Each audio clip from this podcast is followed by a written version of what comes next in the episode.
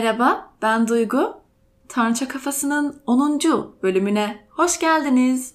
Nasılsınız? Umarım iyisinizdir. Gölgelerin gücü adına diyerek bugün birazcık gölgelerden bahsedelim istiyorum. Önce çok kısa, daha psikanalitik olarak ele alıp daha sonra da hayatımızda gölgeler ne demek? Nerelerde bu gölgeler bizi ele geçiriyor? Ya da gölgelerimizi nasıl fark edebiliriz gibi ilerleriz gibi duruyor. Şimdi gölge deyince gölge ne demek? Bir insanın görünen ve görünmeyen yüzü vardır değil mi? Görünen yüzü düşünürsek persona deniyor. Ne demek bu? Yani bizim kimliğimiz, egomuz, dış dünyada gösterdiğimiz yüzümüz, buzdağının görünen kısmı diyebiliriz. Bir de görünmeyen bir kısmımız var. Ona da halk arasında bilinçaltı ama aslında e, psikolojideki tanımıyla bilinç dışı deniyor. Bu konuda Freud'un, Jung'un e, bazı çalışmaları olmuş. Jung'la devam etmek istiyorum. Çünkü daha fazla bildiğim kısmı Jung'a ait. Burada e, bir gölge arketipi var. Yani gölge arketipi bilinç dışı ya da bilinç altının aynı şey bir parçasını oluşturan ve bastırılmış bazı fikirlerden, içgüdülerden, dürtülerimiz, zayıflıklarımız, arzularımız, toplumun kabul etmeyeceğini düşündüğümüz ya da toplum tarafından kabul görmeyeceği bazı eğilimlerden, utanç verici korkulardan oluşan bir taraf.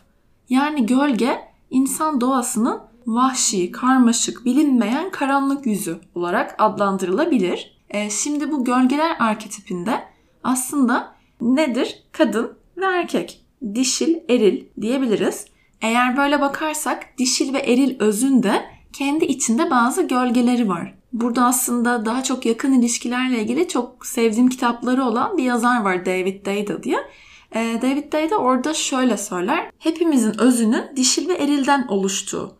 Yani bir kadının içinde de bir eril parçasının olduğu, bir erkeğin içinde de bir dişil parçasının olduğu. Hatta Deida şöyle diyor yani bir kadının %80'i dişil, %10'u eril, %10'u da nötr. Bir erkeğin de aynı şekilde %80'i eril özken, %10'u nötr öz ve %10'u da dişil cinsel öz olarak adlandırıyor.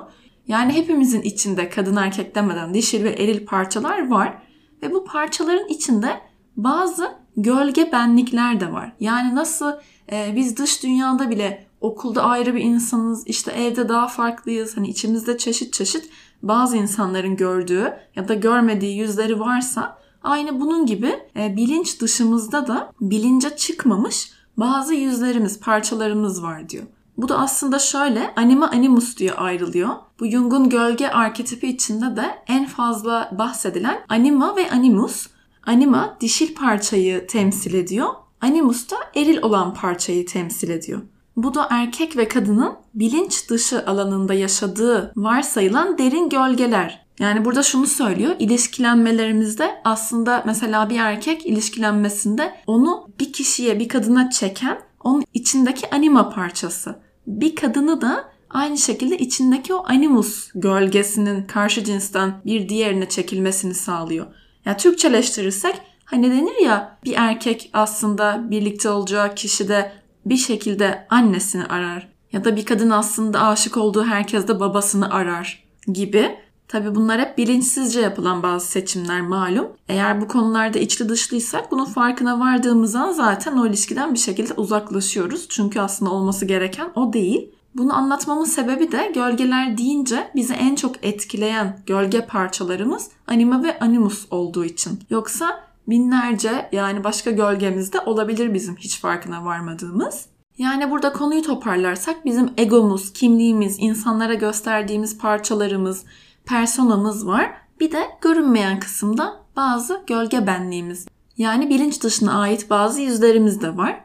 E, bu işin biraz daha psikanalitik kısmı. Tabii benim bu konuda belki daha fazla görüş bildirmem çok doğru da olmayabilir. Çünkü bu konuda yeterince profesyonel değilim ama Jung'u, Freud'u, yani bu konudaki gölge arketiplerini araştıran herkesin e, bununla ilgili daha fazla bilgi alacağını söyleyebilirim en azından. Bununla birlikte bana ilham olan yani bu gölgeler konusunda bu karmaşık ve hemen anlayamayacağımız bilgileri daha sadeleştirerek anlatan bir kitap olmuştu.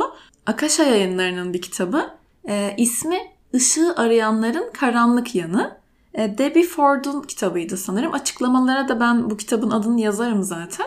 Bence bu kitabı gölgeler neymiş, bu gölgelerle nasıl yüzleşilir, nasıl fark edilir bunları merak eden herkesin okuması gereken bir kitap. Çünkü çok sade ve böyle tak tak tak nokta atışı her şeyi ilgi alanımız ne kadar olursa olsun bu konularla e, daha rahat anlamamızı sağlıyor. Şimdi buna göre gölgelerimiz ikiye ayrılıyor. Karanlık gölgeler ve aydınlık gölgeler olarak. Ee, karanlık gölgeler deyince zaten hepimizin daha rahat anlayabileceği bir kavram. Her insanın içindeki o karanlık, bastırdığı, belki kabullenemediğimiz, kendimizden, başkalarımızdan gizlediğimiz ve bilinçsizce başkalarına yansıttığımız yanımız. Yani bu ışığa çıkarılmamış başka bir yüzümüz diyebiliriz. Şimdi burada şöyle diyor. E, mesela e, sevmediğin bazı özellikler. Şöyle insanlardan nefret ederim. Geç kalanlardan hiç haz etmem. Yalancı, bencil ve şöyle şöyle insanlar benim için kötüdür. Yani o sevmediğin, nefret ettiğin, yargıladığın, seni irite eden, iğrendiğin, tiksindiğin ne varsa e, bu bir özellik olabilir, bu bir insan olabilir. E, yani bu neyse o aslında senin bir parçan. O sensin aslında. Gölge bu demek zaten. Karanlık gölgede bu sıfatları kullandığımız kişi kimse ya da bu sıfatlar neyse onların aslında bizim bir parçamız olduğunu kabullenmekle ilgili. Yani onlar bizim gölgemiz. Bunları görmek lazım. Mesela bazı çalışmalar vardı o kitapta da. E, şu anda sevmediğin 3 tane özelliği say ve sevmediğin 3 kişiyi say. İşte biraz önce bahsettiğim gibi hırsızlık çok kötüdür. Bencil insanlardan nefret ederim ya da yalana asla tahammülüm yoktur gibi. Şimdi mesela burada bu karanlık gölgeyi bulmak için oturup bunları böyle bir yarım saat ayırıp tek tek yazabiliriz. Mesela deminki maddeleri yazdık diyelim. Sonra bir durup şunu demek lazım. Bu insanlarda ya da bu özelliklerde gördüğüm beni irite eden ve benim kabul edemediğim sevmediğim o özellikler bende nerede var? Yansıtıyoruz dedik ya mesela birbirimize. Yani hayatımızda bize bu gölge yönlerimizi e, bir diğeriyle, yaşadığımız olaylarla bir şekilde karşımıza çıkıyor ve bunları fark etmemiz lazım. Yani mesela bizi o çok sinirlendiren kişideki özellik benim içimde nerede? Niye ona bu kadar sinirlendim? Mesela herkesin ilgisi farklıdır değil mi? Herkes bir gazeteyi okuduğunda ya da mesela haberlerden düşünelim haberlere baktığımızda herkesin tepkisi farklıdır değil mi? Bazı insanlar bazı olaylara daha fazla yükselirler. Bir tanesi çok daha öfkelidir. Bir tanesi daha normal dinler, daha normal bakar. Kimisi mesela siyasi bir konuyla ilgili bir haber okur ya da seyreder. Bir anda sinirlenir, küfür etmeye başlar, işte çok böyle paylaşımlar yapar. Bir diğeri artık hani ya ne yapabiliriz bunu paylaşınca bir şey değişmeyecek diye önemli olan ben kendim iyi bir insan olmaya gayret edeyim ya da kendim şunları şunları yapayım diye bakar. Mesela burada konu herkese ilgilendiren daha büyük bir şey de olabiliyor. Mesela cinayet, istismar, hayvan hakları bu liste böyle uzayabilir. Bu tarz haberlere nasıl tepki veriyoruz? O tepkimizin dozu nedir? Aynı şekilde konuyu değiştirip günlük hayatımızda herhangi bir durum olarak da algılayabiliriz tabii ki. Yani işin özü bir yerde gerçekten e, normalden daha fazla bir tepki veriyorsak orada durup onun bizimle ilgili ne olduğuna bakmak lazım. Ho'oponopono tekniğini bilenler vardır. Mesela orada da dünyadaki her türden şeyin, her suçun, her türden aklımıza ne gelirse hepsinde bizim bir payımız ve sorumluluğumuz olduğunu kabul etmekle ilgiliydi. Burada bir doktor sadece bu tekniği uygulayarak hastalarıyla yüz yüze bile görüşmeden sadece dosyaları üzerinden o konunun, o şeyin kendinde de olduğunu kabul ederek bir akıl hastanesindeki suçluların kaldığı o bölümü tamamen kapattırmıştı. Ho'oponopono oradan çıkıyordu. Bunun gibi o şeyin sende de olduğunu görüp kabul etmek. Mesela listemize baktık diyelim. Küçük bir şeyle başlayalım. Geç kalanlardan nefret ederim. Geç kalmayı hiç sevmem. Peki burada şunu sormak lazım. Sen hiç mi geç kalmadın? Yani tamam nefret edebilirsin, sevmeyebilirsin. Ee, ama yani bunu hayatında hiç mi deneyimlemedin? Ya da bunu deneyimleme ihtimalin sıfır mı? Ya da yalan söylemek olsun. Yalancı insanlardan hiç hoşlanmam. Hiç hayatında yalan söylemedin mi? O gün işe geç kaldın ya da gitmen gereken bir yer var ama canın hiç gitmek istemiyor. Onunla ilgili bile mi? Beyaz yalan bile mi söylemedin? Gibi. Ya da konuyu büyütelim. Tamam anladık. Bencillikti, yalan söylemekti, geç kalmakta iyi, hoş. E tamam o zaman hırsızlık ne alaka mesela? Ne alaka? Şöyle diyebiliriz. Hırsızlık illa eve girmek, bir arabayı çalmak gibi bir şey mi? Yoksa bazen çok gereksiz bir olayı arkadaşına 38 dakika anlatmak ve onun zamanını çalmak ya da bitirmen gereken bir ilişkiyi bitirmedin diyelim. O kişinin vaktinden çalıyorsun, ömründen çalıyorsun. Bu hırsızlık değil mi? Ya da diyelim çok klasik bir örnek olacak. Ee, bir çocuğun var. Çocuğun hasta. Çocuğun alman gereken bir ilaç var ama senin paran yok. Eczaneye gidiyorsun, veremeyeceklerini söylüyorlar. O anda başka müşteriler geliyor. Onlarla ilgilenirken o ilaç orada duruyor. Çocuğun ölecek. Çocuğunun sağlığına kavuşmasına ihtiyacın var. Ne yaparsın? O ilacı alır mısın?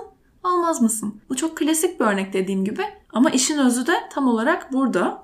Ya da mesela haddini olmayarak bir insanın kişisel alanına giriyorsun. Seni ilgilendirmeyen bir konuyla fazlaca ilgileniyorsun. O zaman sen o insanın alanına tecavüz etmiş oluyorsun. Hadi bir tane daha arttırıyorum. Adam öldürmek olsun. Yok devenin nalı artık bir katille ben bir miyim daha neler diyen olabilir tabi. Biri geldi eşini dostuna sana bıçak çekti. Bir olayın ortasında buldun kendini. Ay ben karıncayı bile incitemem deyip buyurun bıçaklayın lütfen mi diyeceksin yoksa mecbur onun karşılığını verecek misin? E ama o da meşru müdafaa canım. Hmm, olabilir tabii ki öyle ama e sonuç Biliyorum aksini düşünmeye programlandığımız çat diye sindirmesi zor konu ve kavramlar ama yani yaptın mı yapmadın mı? Yani burada kavramları olduğu haliyle alıp öyle düşünürsek bir diğerinde yargıladığımız her şeyin bizim içimizde de olduğunu ya da olabileceğini anlıyoruz. Bunu anlayınca zaten o gölge hem açığa çıkıyor hem de bir şekilde her şey fark ederek şifalandığı için kendiliğinden bir seviyede onun şifalandığına tanık oluyoruz. Bu da bir süreç zaten her an yeni bir deneyim yaşadığımız için gölgelerimiz de ona göre ortaya çıkıyor, şekilleniyor. Zaten şöyle denir hani bilinçle bilinç dışı birbirine o kadar yakındır ki ikisi arasında hangi tarafta olduğunu anlayamazsın bile. O yüzden rüyalarımıza dikkat etmek de çok önemli. O rüyaların içinde kendi bilinç dışımızla ilgili bazı bilgileri almak için bunu takip etmek çok önemli. Gölgeleri fark etmek de bu yüzden çok uzun zaman alan, biraz da sancılı bir süreç oluyor. Ama bir süre sonra en azından bunu görmek de yani o sürecin içinde olduğunu, o an o gölgenin açığa çıktığını fark etmek de bir süre sonra en azından daha keyifli hale geliyor diyebilirim. Ben de kendim bu listeyi çıkarttım. Ama yine de yaşarken komik değildi diyoruz. Onun gibi o an onu fark edemeyebiliyoruz. Ama dikkatimiz o yönde olursa bu insandaki beni rahatsız eden parça benim içimde nerede diye bakarsak işimizi bir tık kolaylaştırırız diye düşünüyorum. Şimdi bir de gölgenin aydınlık yüzüne bakalım. Bu taraf aslında daha eğlenceli ama genelde negatifi görmeye daha alışkın olduğumuz için kolektif bilinçte de bu böyle. Belki daha kolay gibi duruyor ama onu fark edip o aydınlık yönümüzü keşfetmek, onu kabul etmek bu da bizim kendi çocukluğumuzdan gelen bazı değer yargılarımızla ilgili bence. Aydınlık gölge de kısaca şu demek. Bir insanda seni çeken şey ne? Yani bir insanda seni etkileyen özellikler neler? Bir insanın güzel olması, zarif olması ya da en beğendiğin, en gıpta ettiğin 3 kişiyi say desem bunlar kim olabilir? Annen olabilir, arkadaşın olabilir, ünlü bir şarkıcı olabilir, çok sevdiğim bir yazar olabilir mesela. Bu listeyi çıkartmakla başlayabiliriz. Burada da seni çeken, keşke ben de böyle olsam dediğin ya da biraz özenerek yaklaştığın o kişilerdeki o özellikler ve seni çeken bu tanımlar da senin aslında bir parçan. Bunlar da senin aydınlık gölgen. Yani şöyle de diyebiliriz. Açığa çıkmamış potansiyellerin eşittir aydınlık gölgemiz. Burada da yine bu potansiyellerimizi yani aydınlık gölgelerimizi açığa çıkartmak için liste yapabiliriz. Ya da e, o içimizi cız ettiren, bizi çeken, genelde ilgilendiğimiz, çekildiğimiz o insanlardaki özellikleri tek tek düşünüp o benim içimde nerede var diye onu bulmaya çalışabiliriz. Mesela çok özendiğimiz keşke ben de böyle bir şey yapsam dediğimiz bir insan var. Yazar olsun. O bir yazar e, onun yazılarından çok etkileniyoruz. Onun belki anlatım tarzından, belki onun kalbinden, o anda bizi çeken şey neyse o bende nerede, o benim içimde nerede. Yani biliyorum güzel şeyleri kabul etmek bazen kötü şeyleri kabul etmekten daha e, zor bir süreç. Ama bu da tamamen deneyerek, keşfederek, öğrenerek oluyor. Baktık diyelim orada bizi çeken şey onun yeteneği, sanatla ilgisi ya da bir oyuncu olsun. Neyini beğeniyoruz? Çok doğal diyoruz. ya da çok güzel, çok zarif bir kadın diyoruz. Aslında o benim içimde de bir parçam ama onu ben bir şekilde göremiyorum, kabul edemiyorum. Bunun alttaki sebepleri belki benim yaşadığım deneyimler olabilir. Belki kendime güvenmiyorumdur yeteri kadar. Kendi yaratıcılığımı sahiplenemiyorumdur. Bunu bulmak burada. Şöyle diyebiliriz mesela tamam gerçekten çok yetenekli bir yazar ama benim içimde öyle bir parça yok. Yani ben öyle güzel yazamam ne alaka nasıl olacak şimdi? Burada daha farklı bir pencereden bakabiliriz. Yani tamam ben o kadar güzel yazamıyor olabilirim ama ben başka neyi yapıyorum? Yani içimde bir şeyler tetikleniyorsa demek ki orada keşfetmem gereken bir parça var, bir potansiyelim var. Tamam yazamıyorumdur. O zaman ne olabilir? Sanatla ilgili başka bir yeteneğim olabilir. Ee, ben bir kitap yazamam belki ama bana iyi gelecek. Belki günlük tutabilirim. Belki o şekilde bir şeyler açığa çıkacak. Yani burada illa aynı şey olmayabilir ama bir şekilde gıpta ettiğimiz, özendiğimiz o hani olur ya mesela bize çok ilham olan bir sayfayı görürüz. Ama böyle hani görüyoruz çok hoşumuza gidiyor. Ya bir içimizde bir şey bence bunu yaşayan olmuştur. İçimizde bir şey böyle cız ediyor. Yani ben o kadar şanslı değilim. Onun çok takipçisi var. Ya da o bir yerlere gelmiş. Yani benim oralarda olmam imkansız. Tanıdığım yok. O kadar imkanım yok.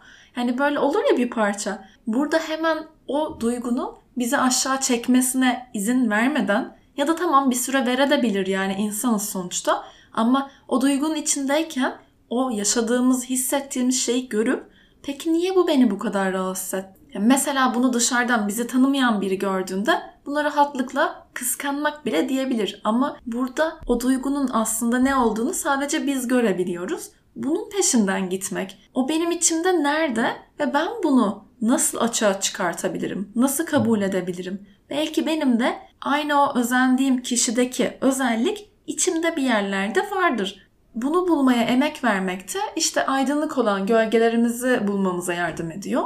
Şu an sanki konudan bağımsız gibi geliyor ama mesela bir çift görüyoruz. Onların e, o olma hali bize çok güzel geliyor. Ve ah keşke benim de böyle bir ilişkim olsa diyebiliyoruz. Deriz ya hani orada bizi çeken şey ne? Orada ihtiyacımız olanı görüyoruz. Ya da karşı cinste bir özellik aradık diyelim. E, bu özelliğin aslında bizde de olması gerekiyor ki öyle birini talep edebilelim. Bunun gibi bir hem cinsimiz olsun mesela. E, çok hoşumuza gidiyor. Çok güzel, zarif, özgüvenli biri. Burada kendimize bakıp şey diyebiliriz. Ben nasıl biriyim? Onda olan ve bende olmadığını zannettiğim ama aslında benim içimde de olan o parça nedir? Ben kendi zarifliğimi, kendi güzelliğimi nerede göremiyorum? Neden bunu fark edemiyorum? Ya da neden bunu kabul edemiyorum? Belki kendime güzel olmayı, zarif olmayı, kadın gibi kadın olmayı yakıştıramıyorum diyelim. Neden? Bunu düşünebiliriz. Yani özetle karanlık, o bastırdığın, nefret ettiğin, irite olduğun, kötü, çirkin diye tanımladığın o parçalar da sensin. Aynı şekilde o hep beğendiğin, çekildiğin, gıpta ettiğin kişilerdeki parçalar ve o özellikler de sensin. İkisi de senin içinde olan potansiyellerin, ikisi de senin içinde olan gölgelerin. Zaten bunlar sana ait gölgeler olduğu için bir diğerinin değil de senin dikkatini çekiyor. Ve o karanlık ve aydınlık olan parçaları bulmak, görmek, kabul etmek için de önce onları aramaya gönüllü olmak gerekiyor diye düşünüyorum. Olayın özü aslında çok basit ama yaşarken öyle olmuyor tabii ki. Yani insanların kendini, evreni sorguladığı bu yolculuk zaten hiçbir zaman o kadar tatlı olmuyor. O kimse görmesin dediğimiz ya da bir başkasında gördüğümüzde kolaylıkla eleştirebildiğimiz, yargılayabildiğimiz yönlerin bizde de olduğunu fark etmek, o en çirkin, kötü, iğrenç diyebileceğimiz bir parçamızla yüzleşmek tabii ki çok tatlı değil. Ya da bir şekilde farkına bile varmadan hep arzuladığımız bir şeyi fark etmek, öyle bir potansiyelimiz olduğunu görmek ve bunu kabul etmek de çok kolay değil. Çünkü fark etmemek insanın egosunun her zaman daha çok işine geliyor. Fark ettiğinde bir şey yapman lazım. Yani sen o potansiyelini fark ettiğinde artık o potansiyelini kullanman gerekiyor değil mi? Bunun için de bir enerji sarf etmemiz lazım ve bunun için bir şeyler yapmamız gerekiyor özetle. Ee, bunu yapmak da her zaman o zaman zaman tembelliği seven benliğimizin çok da işine gelmiyor. Ve onu bilmemek sadece karşımdaki birinde görüp de ah ne güzelmiş demek tabii daha hoş oluyor. Ama bunları fark ettikçe, acısıyla tatlısıyla kendimizin tüm gölgelerini keşfettikçe hayat da o zaman kendi özümüzle, kalbimizle daha uyum içinde akıyor. Yani bir bilgisayar programı olmadığımız için en iyi versiyonumuz tabirini kullanmak pek istemiyorum. Onun yerine olmamız gereken kişiye, en yüksek potansiyelimize bir adım daha yaklaşmış oluyoruz diyebilirim sanırım. Ve de bu şekilde düşündükçe, bir diğerinde kendi parçamı gördükçe, bendeki bir şeyin onda da olduğunu fark ettikçe bu sefer insanları yargılayacak bir sebep de bulamıyorsunuz. Aynı şekilde kendinizi de yargılamıyorsunuz zaten. Bu da genel olarak daha kabulde olmamızı sağlıyor ve hem kendimizle olan ilişkimiz hem de bir diğeriyle olan, evrenle olan ilişkimizi de otomatik olarak şifalandırıyor ve kalbi daha hafif bir sevgi enerjisinde tutuyor. Bu bölümle ilgili kitabı okuduysanız kitapla ilgili görüşlerinizi gerçekten çok merak ediyorum. Çünkü bence gölgeler çok ama çok önemli bir konu. Tüm hayatımız onun etrafında dönüyor desek çok da abartı olmaz diye düşünüyorum. Diyerek bu bölümün de sonuna geliyorum. Ama önce malum her insan canlısı motivasyonla çalışır biraz. Beni buradan ve Apple Podcast uygulamasından bu kız ne yazıyormuş yahu derseniz de Light of Luna Instagram hesabımdan takip ederseniz çok mutlu olacağımı da eklemek istiyorum. O zaman aydınlığıyla ve karanlığıyla gölgelerimizi görüp, kabul edip bağrımıza basabildiğimiz günlere kalbimden kalbine güle güle.